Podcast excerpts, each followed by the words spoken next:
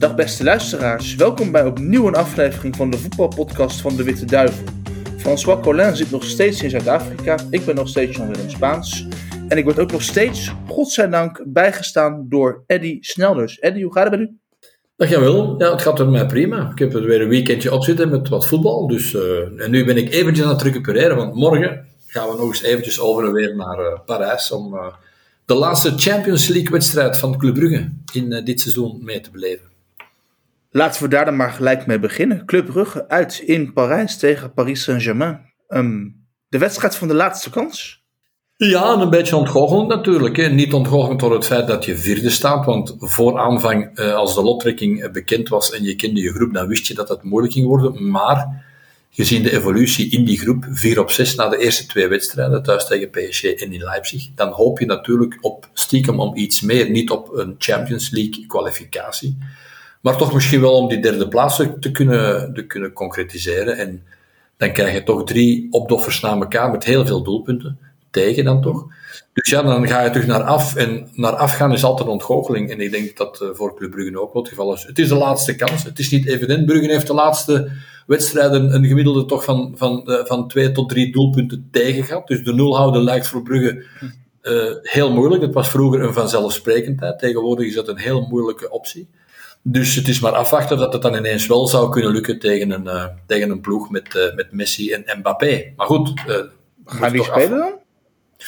Ik weet het niet. Uh, ik heb wel gezien dat uh, Mbappé op de bank zat in de laatste wedstrijd. Messi heeft gespeeld.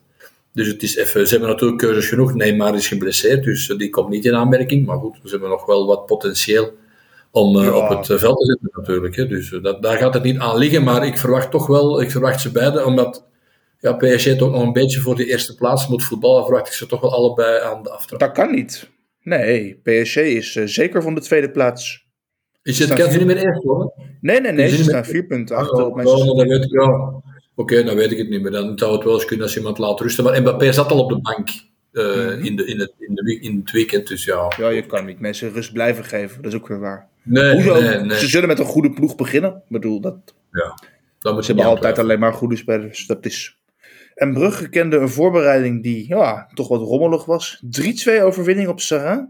En de overwinning in Genk voor de beker. Ik hecht eraan te vermelden. 7 op 8 in de voorspellingen. Dat, uh, we zitten met een kenner. Ja.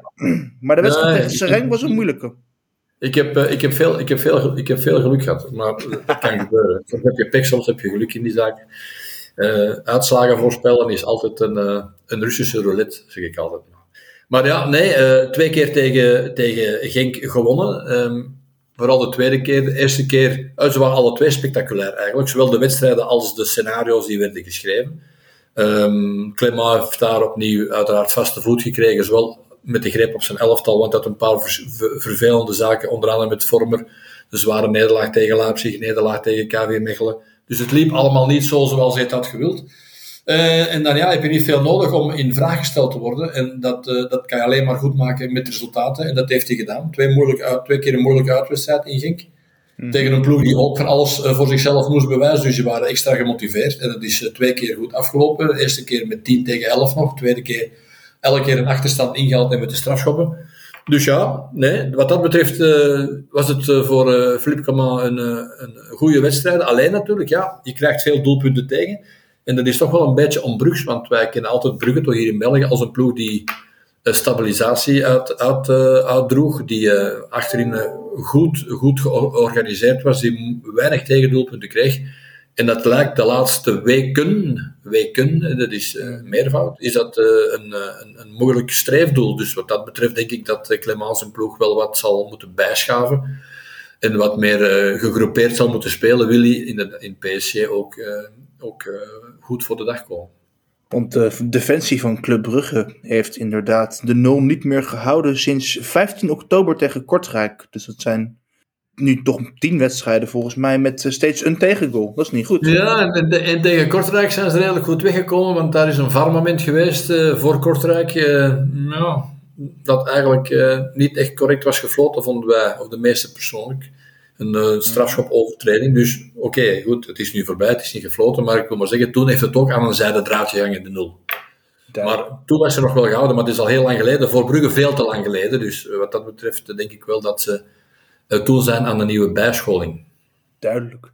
De Antwerpse derby op zondag um, werd helaas gedomineerd door extra, extra sportieve omstandigheden. Um, daar is denk ik genoeg over gezegd. Uh, over de wedstrijd alsjeblieft, Eddy. Wat heeft u daarvan gevonden?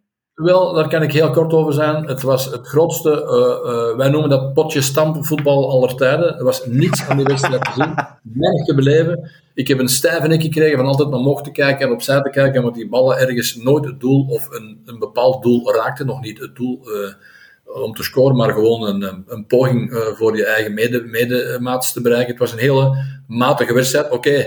Onder, onder de mantel van, ja, het is een derby, de, de, de spanning is hoog, je weet dat het een, eh, een duel gaat worden, en, en, dat was het ook wel. Maar er werd weinig gevoetbald, en dat was spijtig. Want uh, we hebben in de tijd, dat is al wel een tijdje geleden, hebben we dikwijls wedstrijden gezien die toch spectaculairder waren en die meer voetbal brachten. Deze wedstrijd bracht dat niet, buiten misschien het geweldige doelpunt van Nijn Volan. Het was een, een geweldige pegel. Maar voor de rest eh, kan ik niet zeggen dat die wedstrijd eh, tot heel lang eh, na gisteren in het geheugen gegrift zal blijven. Ook niet voor het winnende doelpunt van Nainggolan, uitgerekend hij? Jawel, jawel dat was een, dat was een, een mooi doelpunt. Hè. Knap, dat was eigenlijk een van de, van de uitspattingen van die wedstrijd. Maar voor de rest was het voetbal technisch toch zo zwak. Veel slechte passes, veel balverlies, weinig, weinig, weinig combinaties die verdroegen, weinig kansen. Een doelarm, een, een, een, een kansarme wedstrijd. Dus nee, het, uh, er, zijn al, ik zeg het, er zijn al betere wedstrijden, er zijn al betere derbies geweest uh, dan, die van, dan die van gisteren. Veel beter trouwens. Maar Antwerp sluit zowel de heenronde van de competitie af als nummer 2 boven Brugge. Dat hadden misschien niet veel mensen verwacht. Nee, oké, okay, gelijke punten, dat wel, dacht ik. Maar, uh, ja, ja, ja, ja, maar op doelsaldo... Maar nee, nee ja, ik denk wel dat de ambitie van Antwerpen daar was. Maar ik denk dat de manier van spelen van Antwerpen in die eerste ronde niet altijd geleid heeft tot de de logische gedachte dat ze tweede zouden zijn. Antwerpen heeft lang op een paar wedstrijden na lang moeten zoeken naar de goede uh, cohesie, naar de goede combinaties. Nog altijd trouwens, want gisteren was het ook weer geen goede wedstrijd. Dus je kan eigenlijk de goede wedstrijden van Antwerpen, waar ze echt zeggen van oké, hier kunnen we tevreden in, teruggaan in de kleedkamer, die kan je op één hand tellen. Maar de resultaten zijn wel meestal goed geweest, waardoor het Antwerpen daar tweede staat. Prisker is misschien drie of vier keer in vraag gesteld geweest. Uh, ook naar Europese wedstrijden, want, en ook naar die bekeruitschakeling bijvoorbeeld. Maar omdat hij dat toch in de competitie uh, die punten altijd op het goede moment heeft kunnen halen, uh, is het wel zo dat, is het, wel zo dat, het, ja, dat hij eigenlijk in positie is kunnen blijven. -hmm. En bij Beerschot is het helemaal bar en boos op het moment natuurlijk. Die hebben op twee handen net geteld het aantal punten. Negen stuks. Ja, en, heel weinig gescoord ook in die eerste ronde. Hè. Dus uh, dat zijn allemaal negatieve cijfers. Er was een, heropleving een paar weken geleden. Toen werd de, de achterstand met Cirkelbrugge voor een groot gedeelte dichtgefietst. Maar je weet, je, je, je redt je niet op twee weken. Hè, en dan is er een bepaalde genoegdoening gekomen, heb ik de indruk gehad. Omdat er dan toch twee, resultaten aan elkaar zijn geweest. En dan is die, uh, die interlandbreak ertussen gekomen. En dan moesten ze naar Zulte Waregem, wat toch voor hen een heel belangrijke wedstrijd was. Daar zijn ze onderuit gegaan. Daar hebben ze niet getoond dat ze inderdaad weerbaar waren, dat die wedstrijden daarvoor uh, dat die uh, ja, de start waren van een reeks. Hè, want daar zijn ze dan eigenlijk kansloos verslagen. En dan heb je nog het tweede probleem, dat is dat je direct de tegenstanders ja, punten gaan beginnen halen. Hè. Cirkel Bruggen heeft nu 6 op 6. Mm. Uh, Oostende is nu beginnen winnen. Uh, ja. Eh, Serijn heeft ondertussen al een paar keer gewonnen. Het is alleen Zulte Waregem, maar daar, in die rechtstreekse confrontatie ben je dan verloren. Oké, die hebben geen makkelijk programma, maar het zal, ja, maar wel wat voorsprong nog altijd. Hè. Ik denk dat uh, Beerschot nu 9 punten heeft en Zulte Waregem 16 of 17. Dus 17, om, die achterstand, ja. ja. om die achterstand op 1, 2, 3 dicht te fietsen, dat is niet zo vanzelfsprekend. Uh, zeker niet als je dan heel moeilijk scoort. Dus ja, er was even een heropleving. Het was even van, zie je wel, we gaan het toch nog klaar krijgen. Maar uh, het is eigenlijk uh, nu net op het einde van die eerste ronde een beetje terug naar af. En uh, 13 Hoeveel is het? Negen punten, dacht ik dat ze hebben nu? Of? Negen, ja. Negen. Ja, negen, negen, negen half weg, of iets over half weg. Ja, half dat weg, is niet, ja. Dat is niet veel, hè. Dus uh, ik vrees het ergste toch uh, voor Beerschot uh, hmm. in deze campagne. We hebben verleden week ook een beetje het ergste gevreesd voor de koploper, Union Sint-Gilles. Maar die hebben gelukkig weer gewonnen op het veld van Sint-Truiden. Dat was een moeilijke wedstrijd.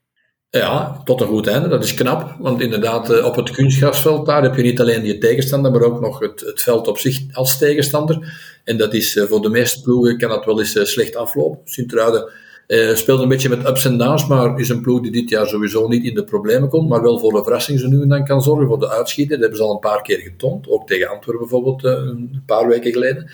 En dan moet je toch opnieuw ja, je eigen herstellen, want een nederlaag, een opdoffer, om die te verwerken, zij hebben dat wel gedaan. Berschot heeft, is, is daar niet in gelukt om het constante te krijgen in zijn overwinningen. Union na een nederlaag heeft wel opnieuw heraangepikt, dus opnieuw de reactie getoond, uh, de goede reactie getoond, om te zeggen van voilà, het is inderdaad maar een, uh, een uitschuiver geweest, het is niet een begin van een, uh, een, een dalende resultaatcurve. Dus wat dat betreft hebben ze dat op één wedstrijd opnieuw terug uitgeveegd en hebben ze de schade beperkt, hè, want al bij al blijven ze dus comfortabel aan de leiding. Undaf opnieuw twee doelpunten. Als je die aantallen telt, dat begint toch al wat op te lopen. Hè? 15 of 16 goals. Ik dacht 8 of 9 assisten. Halfweg. Ja. Ja, ja ik ben toch eens benieuwd in januari of dat daar links en rechts geen reactie op gaat komen. En of dat Union inderdaad zijn spelers goed bij elkaar kan houden. Want ik veronderstel toch wel dat daarvoor, niet alleen voor Undaf natuurlijk, er zijn er nog wel wat van zijde, nog een paar middenvelders en verdedigers gaat toch wel wat vraag komen. Dus het zal ook voor Union belangrijk zijn om zich heel uh, goed dicht bij elkaar te houden om het jaar met dezelfde ploeg te kunnen eindigen. Denkt u niet dat je op zo'n moment als ploeg zegt van we blijven allemaal bij elkaar, wat er ook gebeurt? Want zoiets gaan deze mannen toch niet vaak meemaken. Nee, maar je weet ook de aanbieding niet die er gaan komen. Hè. Het, is, nee, het is ook vooral contractueel, financieel. Op dit moment zullen ze allemaal wel zeggen, zeg, we blijven samen. Dan zal er zeker vanuit ja, bestuur wel wel de stimul zijn, of de vraag zijn, zeg, dat gaan we toch niet afgeven. Maar in januari en de managers komen en de voorstellen komen, dan, dan, ja, dan kan het anders zijn. Uh, meestal worden de belangrijkste transfers wel in de zomer gedaan, want in de winter zijn het meestal opvultransfers, uh, waar dat de meeste ploegen wel niet heel veel baat bij hebben. Dat is al dikwijls mhm. gebleken in het verleden. Maar ja, je weet het maar nooit, dit is natuurlijk een uitzonderlijke situatie. Dit zijn spelers die op een uitzonderlijke manier op heel korte tijd uh, heel hoog in de picture komen. Je hebt ploegen die zulke spelers kunnen gebruiken. Je hebt er natuurlijk uh, ploegen die die wel kunnen gebruiken, maar niet kunnen betalen. Dus daar heb je geen last van. Maar je hebt misschien ook wel links rechts een ploeg die dat wel kan. En dan, ja, dan blijf je toch... En je weet, één vertrekt er, ja, dan begint de volgende twijfel. En dan is, is je geheel toch een beetje, een beetje ontrafeld. Uit, uh, de radartjes worden er wat uitgetrokken. Dus een, dan kan een ploeg al snel ontsporen. Dus dat is het gevaar. En vooral ook de moeilijkheid voor Union, waar dat ze zich eh, binnen een maand eh, gaan mee geconfronteerd eh, voelen. Ik ben ook eens benieuwd hoe dat ze dat op die moment zelf gaan oplossen. Dat zullen wij ongetwijfeld gaan zien in de komende weken. Ik denk dat de meeste mensen toch hopen dat de ploeg bij elkaar blijft. Omdat ja, denk heel, heel, We zijn toch benieuwd. Om te heel het entourage, heel het entourage van, van Union. Maar je weet goed genoeg, het zijn nu allemaal vrienden. Maar op het moment dat de aanbiedingen komen en, en de cijfers in het contract gaan in veelvoud naar boven, dan, ja, dan zouden het wel graag vrienden blijven, maar dan misschien ook wel eens tegen elkaar willen spelen. Dus ja, uh, geld en contracten en besprekingen, die maken dikwijls uh, veel los. En dat zou ook wel eens kunnen gebeuren natuurlijk in Union, uh, zeker in deze situatie. Mm -hmm. Het belangrijkste nieuws van deze maandag komt zojuist naar buiten. Bij Racing Genk is John van den Brom nu toch echt de laan uitgestuurd naar de 1-1 op Mechelen gisteravond. Um, ja, en toch is, en toch is voor mij, Willem, toch is het voor mij een beetje verrassend dat het nu gebeurt. Omdat ik de indruk heb gehad dat de spelers van Genk, dat die nog niet uitgekeken waren op John van der Brom. Dat is zeker gebleken in die twee, in die twee wedstrijden um, tegen Club Brugge. Moet eerlijk zijn, je kan als trainer ook onwaarschijnlijk veel peggen. Ze hebben natuurlijk slechte wedstrijden gespeeld. Ze hebben thuis tegen uh, Cerkelbrugge bijvoorbeeld uh, slecht gespeeld. Daarna hebben ze nog een, een hele slechte wedstrijd gespeeld dat is waar. Mhm. Maar toen was het tegen Club Brugge moest het gebeuren. En laten we eerlijk zijn, ook in de eerste wedstrijd, goed 2-1 voor tegen 10 man, 2-3. Ik kan niet zeggen dat John van den Brom daar fout... Ik kan ook niet aantonen dat er spelers zijn die bewust dan zeggen van, we willen met deze trein... Er was inzet, er was snelheid, er was tempo, er was geestdrift. Dus ja, daar kan, hem zeker, daar kan je zeker uh, Van den Brom niets op aanwrijven. Ook in die laatste wedstrijd uh, die tweede wedstrijd tegen Club Brugge. Gisteren op KV Mechelen en gelijkspel is op dit moment gezien de situatie zeker niet verkeerd. Zouden kunnen winnen. Ja, heeft ook wat pech gehad op bepaalde momenten. Dus ik vond het toch nog, al bij al iedereen wist van ja, het hangt in de lucht en hij heeft niet veel nodig meer. Maar ja, uh, wat snacks nu natuurlijk. Hè. Nu ga je Van de Brom uh, wegsturen. Eerst heb je zijn hulptrainer weggestuurd. Een paar weken later gaat dan de trainer zelf voor de bel. Je hebt dan een hulptrainer die in principe eerst de trainer gaat. Maar ik, ik herinner mij het verleden nog met, uh, met de Wolf, die op een zeker moment kwam. Die ging ook mhm. alles veranderen. Uh, dat heeft ook niet zo heel lang geduurd. Uh, na een paar maanden is hij ook opnieuw moeten vertrekken. Dus het is niet altijd de oplossing. En zolang dat de spelers, of de meeste spelers, voor jou hun truitje nog willen nat maken, denk ik als bestuur dat je toch nog even geduld moet hebben. En bij Genk, ik had op zich met uh, medelijden met Genk door de manier dat Torp verdwenen is, maar er zijn toch ook wel wat trainers bij Genk verdwenen, ook op een eigenlijk niet altijd even, even propere manier. Dus wat dat betreft uh, heb ik ook met de club op zich daar uh, niet heel veel begrip voor. Duidelijk. Um, het is snel schakelen, want aanstaande donderdag heeft Genk een zeer belangrijke wedstrijd te spelen. In de vraag of de ploeg Europees uh, na de winterstop nog actief is en zo ja, in welk toernooi. Wat verwacht je ja. daarvan? Ja, ze gaan ervan uit dat, uh, dat Rapid Wien een ploeg is die in, in hun mogelijkheid ligt. Dat hebben ze daar ook al bewezen. Mm -hmm. Dus ik denk dat de focus vooral nu zal moeten zijn dat er moet gewonnen worden tegen, tegen deze Oostenrijkers. En dan is het even afwachten wat, uh, wat Zagreb doet, natuurlijk. Hè. Ja. Ofwel ze ofwel ze tweede. Uh, eventjes, ik denk misschien dat ze liever tweede is, dan blijf je toch in die Europa League. Dat is toch mm -hmm. altijd iets interessanter dan de, de conference. Uh, ja, ik denk het wel. Ja. Maar ja, oké, okay, het is al belangrijk. Als, als je wint van, van, van Wien, dan heb je toch al die derde plaats. Wat dat natuurlijk in deze groep misschien niet zo zo fantastisch is. Dan denk ik dat ze misschien wel die tweede plaats hadden, hadden gewillen. Dus dat kan nog. Dus eh, eventjes kijken nu wat er gaat gebeuren, wie de volgende trainer wordt, of dat die T2 nu gewoon doorschuift naar T1. En zien wat dat die er eigenlijk eh, van terecht kan brengen op heel korte tijd. Hè, want het is opnieuw aanpassen hè, voor, uh, voor de Genk-spelers. Mm -hmm. De wedstrijd van Antwerpen, dat is een wedstrijd die er niet meer echt toe doet. Nee, dat klopt. Want die, uh, die hebben het, hun laatste kans eigenlijk in de 94 minuten in Frankfurt weggegeven waar dat, nog toch een paar mensen in de 16 meter stonden te slapen. En waardoor dat Frankfurt nog gelijk kon komen. Dat, dat, was natuurlijk een hypotheek op heel die competitie. Dus nu de focus voor Antwerpen gaat vooral naar, uh, naar de competitie zelf, naar de Belgische, naar de Jupiler League. Mm -hmm. ja, ze hebben niet veel. Ze hebben niet veel anders meer. Hè. Dus ik denk, nee, die wedstrijd zal een soort, ik zeg niet een veredelde oefenwedstrijd, dat wordt het natuurlijk wel. Misschien dat hij wel het een en ander wil uittesten, bepaalde spelers opnieuw wat langer wil laten spelen dat lijkt me daar de ideale situatie voor. Tegen een ploeg die uiteraard nog wel gemotiveerd is. Want ik dacht dat Olympiakos uh, best nog ja, wel iets die hebben nog wel iets uh, om voor te spelen. Ja, daarom. Dus je krijgt toch een heel gemotiveerde tegenstander. En je hebt dan publiek, uh, liefst mensen die geen bommetjes meer meebrengen en geen vuurpijlen meer, maar uitschieten. Want het publiek op zich moet zich ook schuldig voelen, want in de belangrijke wedstrijd thuis tegen Fenerbahce heeft Antwerpen heel slecht gespeeld. Dat geef ik toe. Mm -hmm. Maar het uh, was wel voor lege tribunes. En dat was niet de fout van de spelers, dat was de fout van uh, een deel onbenullen die in de tribune dan amok gemaakt hebben in de wedstrijd daarvoor. En ik vind dat dat, uh, dat hoort gewoon niet op het veld thuis. Hetzelfde dan standaard gisteren, die doen elk jaar opnieuw. Ja, goed. die, speel, die, die toeschouwers, die supporters, die eigenen zich elk jaar opnieuw het recht toe om volledig buiten de wet te gaan. En nu heeft de, de Pro League een, een, een, een verbod afgekondigd voor ja toeschouwers voor de, de, de, de uitclubs. Ja, iedereen wordt nu door, door gedupeerd. Door wat? Door een bomgooier op Antwerpen en door een deel maffen op standaard, sorry dat ik dat zo zeg, die elk jaar opnieuw hetzelfde doen. Want ik herinner mij nog jaren geleden tegen Lokeren, ik herinner mij een matchje tegen Zulte Waregem, ik herinner mij een matchje tegen Charleroi, in Charleroi, waar de wedstrijd was stilgelegd.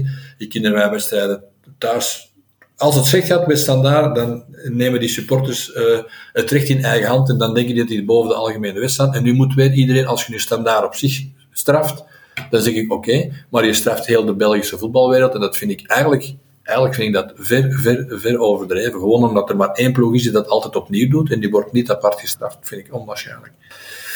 Maar ja, oké, okay, als, je een standaard, als je in standaard zit natuurlijk en je moet naar beneden kijken, want je zit bij de degradanten, uh, ja, leuk is het natuurlijk niet, maar dat neemt niet weg dat je toch een bepaald respect moet hebben voor uh, de algemene wetgeving van het Belgisch voetbal.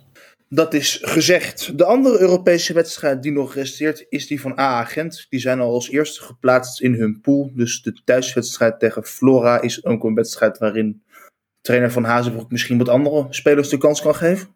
Dat zou kunnen, plus natuurlijk dat hij met zijn ploeg goed bezig is. Hij heeft uh, mm-hmm. al weken is hij eigenlijk. Uh, verleden jaar hebben we heel dikwijls om te zeggen dat, uh, dat Gent, en zelfs in het begin van dit jaar, dat Gent zoekende was, dat het moeilijk was, dat ze weinig cohesie hadden, dat het nog aftasten was, dat er te weinig goed voetbal werd gebracht. Nu, dat is al heel lang geleden, want vanaf, laten we zeggen, eind augustus, begin september is Gent goed beginnen spelen. Alleen blijft bij Gent nog een probleem dat de afwerking niet altijd in verhouding staat met uh, het geleverde spel. Nu is Tissoudal zich wat, meer op de voorgrond aan het werken, dus die heeft wat meer scorend vermogen gebracht.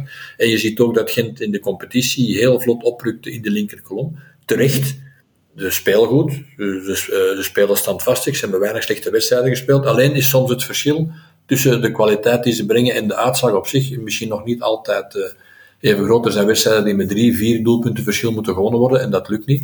Daar moet nog aan gewerkt worden. Misschien is dat interessant tegen Tallinn om dat uh, nog eens te proberen.